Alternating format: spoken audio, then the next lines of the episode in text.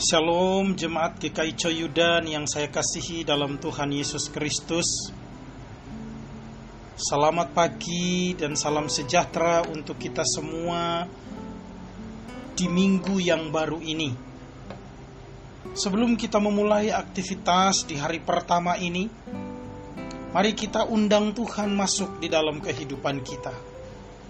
Mari kita libatkan Tuhan di dalam seluruh aktivitas kita hari ini Biarlah kuasa Tuhan menuntun kita di setiap langkah kita. Renungan harian GKI Coyudan saya ambil dari Injil Markus. Markus pasal 11 ayat 22 sampai dengan ayat 26. Markus 11 ayat 22 sampai 26 saya membacakan ayat 22 dan ayat 23 untuk kita semua pada pagi hari ini. Firman Tuhan berbunyi, Yesus menjawab mereka, "Percayalah kepada Allah. Aku berkata kepadamu sesungguhnya, barang siapa berkata kepada gunung ini, beranjaklah dan tercampaklah ke dalam laut, asal tidak bimbang hatinya, tetapi percaya bahwa apa yang dikatakannya itu akan terjadi, maka hal itu akan terjadi baginya. Demikianlah Injil Yesus Kristus. Haleluya. Bapak Ibu yang saya kasihi, bagaimana kabar kita hari ini? Saya berharap dan percaya bahwa kita selalu di dalam penyertaan Tuhan dan keadaan kita baik-baik saja baik di tengah-tengah keluarga maupun di tengah-tengah masyarakat dan di tempat kerja kita.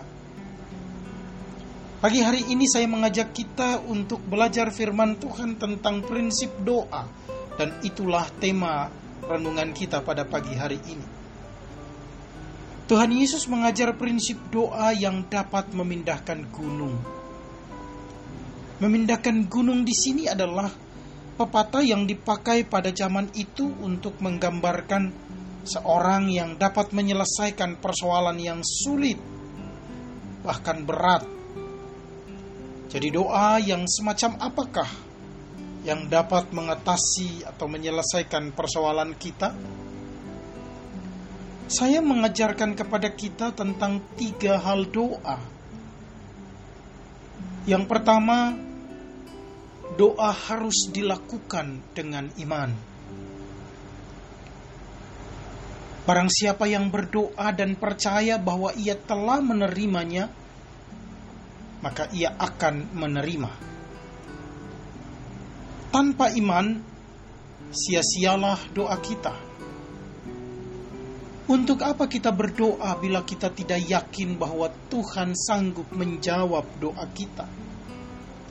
Satu hal yang perlu disadari yaitu Tuhan tidak selalu menjawab doa menurut keinginan kita, tetapi menurut kehendaknya. Banyak orang menjadi kecewa dan marah jika jawaban doanya tak seperti yang diharapkan atau yang diinginkannya. Tuhan tahu yang terbaik buat kita dan tentu ia pasti memberi jawaban yang terbaik pada kita. Yang kedua, doa harus dilakukan di dalam pengharapan. Tuhan tidak selalu menjawab doa dengan segera atau dengan cepat. Seringkali kita harus terus menunggu dan mencari wajah Tuhan. Di sinilah kita diuji apakah kita tetap berharap atau menyerah. Proses doa sering kali lebih penting dari jawaban doa kita. Di dalam proses berharap dan menunggu, karakter kita terus terbentuk menjadi karakter yang ulet, tahan uji, dan tak mudah menyerah. Dan dalam proses tersebut, kita menemukan apakah kita mengikuti Tuhan karena jawaban doa kita atau karena Dia adalah Tuhan kita. Dan yang ketiga, doa juga harus dilakukan di dalam kasih. Oleh sebab itu, Tuhan Yesus meminta kita mengampuni dahulu orang yang bersalah kepada kita. Allah adalah kasih. Bila kita tidak mengampuni saudara kita, kita sedang membangun tembok pemisah antara kita dengan Tuhan. Firman Tuhan mengatakan, Doa orang benar besar kuasanya. Marilah kita belajar berdoa dengan benar. Tentunya di dalam iman, dalam pengharapan, dan dalam kasih. Kiranya Tuhan menolong kita untuk mewujudkan cinta kasihnya di dalam kehidupan kita hari lepas hari. Amin. Mari kita berdoa. Bapa yang baik, kami bersyukur atas kasih dan anugerahmu di dalam kehidupan kami. Engkau bangunkan kami pada pagi ini. Engkau memberi kehidupan yang baru bagi kami dan semangat yang baru untuk mengerjakan semua yang adalah bagian kami.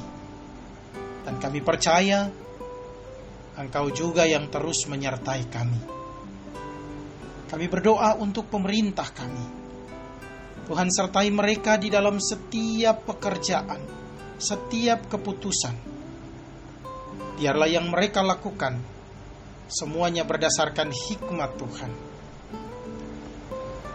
Pulihkan bangsa kami dalam keadaan ekonomi, keamanan, dan juga hal-hal yang mengganggu kehidupan kami.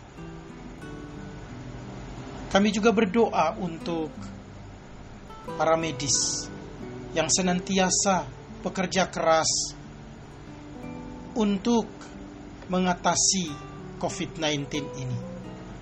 Tuhan lindungilah mereka. Semua rumah sakit, tempat rujukan korban COVID-19. Tuhan lindungi, Tuhan berkati sehingga semua yang sudah terkena COVID-19, mereka yang ODP dan PDP dapat teratasi dengan semua tenaga medis yang tersedia di sana. Kami juga berdoa untuk GKI Coyudan di dalam karya pelayanan kami. Biarlah di setiap waktu kami senantiasa mengutamakan kasih-Mu kami senantiasa melakukan apa yang Engkau kehendaki. Biarlah kami menjadi garam dan terang di tengah-tengah dunia ini, agar namamu dimuliakan. Berkati semua jemaat KKI Coyudan dalam pergumulan hidup yang kami hadapi. Kami serahkan kepadamu ya Allah. Tolonglah kami dalam ketidakberdayaan kami. Kiranya kuasamu senantiasa menyertai kami juga semua majelis, semua panitia pos jemaat, dan juga semua pengerja di GKI Coyudan. Tuhan beri kami hikmat di dalam tanggung jawab yang kami kerjakan. Biarlah di dalam takut akan Tuhan, kami senantiasa melayani Engkau dengan sepenuh hati. Inilah doa kami ya Allah terpujilah namamu. Di dalam nama Tuhan Yesus, kami berdoa dan mengucap syukur. Amin.